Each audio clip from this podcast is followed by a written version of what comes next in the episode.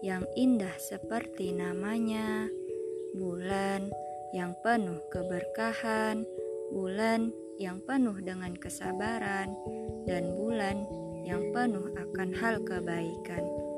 Matahari berzikir, angin bertasbih, dan pepohonan memuji keagunganmu. Di bulan ini, Allah menjanjikan setiap amal ibadah memiliki pahala berlipat ganda. Tak heran bila kemudian setiap orang berlomba-lomba dalam kebaikan dan meningkatkan kualitas hubungannya dengan Sang Pencipta. Bukan hanya mempersiapkan kebutuhan pokok seperti makanan dan minuman jelang Ramadan atau membeli alat ibadah seperti mukena, baju koko hingga sajadah. Hati yang bersih dan penuh semangat juga perlu kita iringi selama Ramadan. Bersihkan hati dan jiwa untuk kembali kepadanya, mensyukuri segala nikmat dan kemurahannya.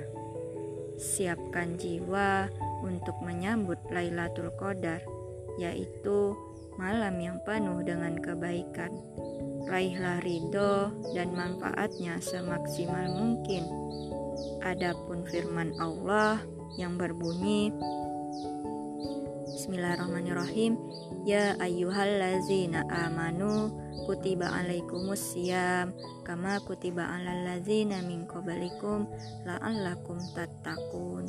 Yang artinya hai orang-orang yang beriman diwajibkan atas kalian berpuasa.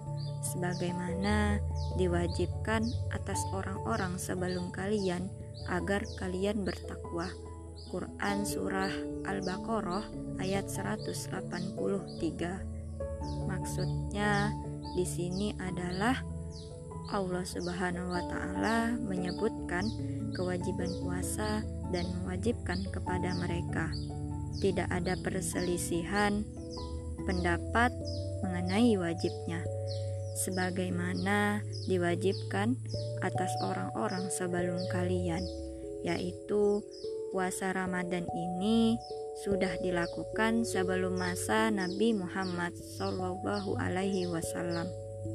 Sejak masa Nabi Adam alaihi salam sampai sekarang, sampai saat ini, lalu kalimat agar kalian bertakwa ini juga sebagai ajakan agar umat Islam bertakwa. Dengan menjauhkan diri dari makan, minum, dan berjima dengan wanita ketika berpuasa. Maksudnya, mudah-mudahan kalian bertakwa karena sebab berpuasa, karena puasa adalah wasilah menuju takwa, sebab puasa dapat menundukkan nafsu dan mengalahkan syahwat. Ramadan itu seperti bunga langka yang mekar setahun sekali, dan saat kamu mulai mencium aroma harumnya, bunga itu menghilang untuk muncul di tahun berikutnya. Jika hati seputih awan, jangan biarkan ia mendung. Jika hati seindah bulan, hiasi ia dengan senyuman. Jadikan Ramadan ini titik balik dalam hidup kita.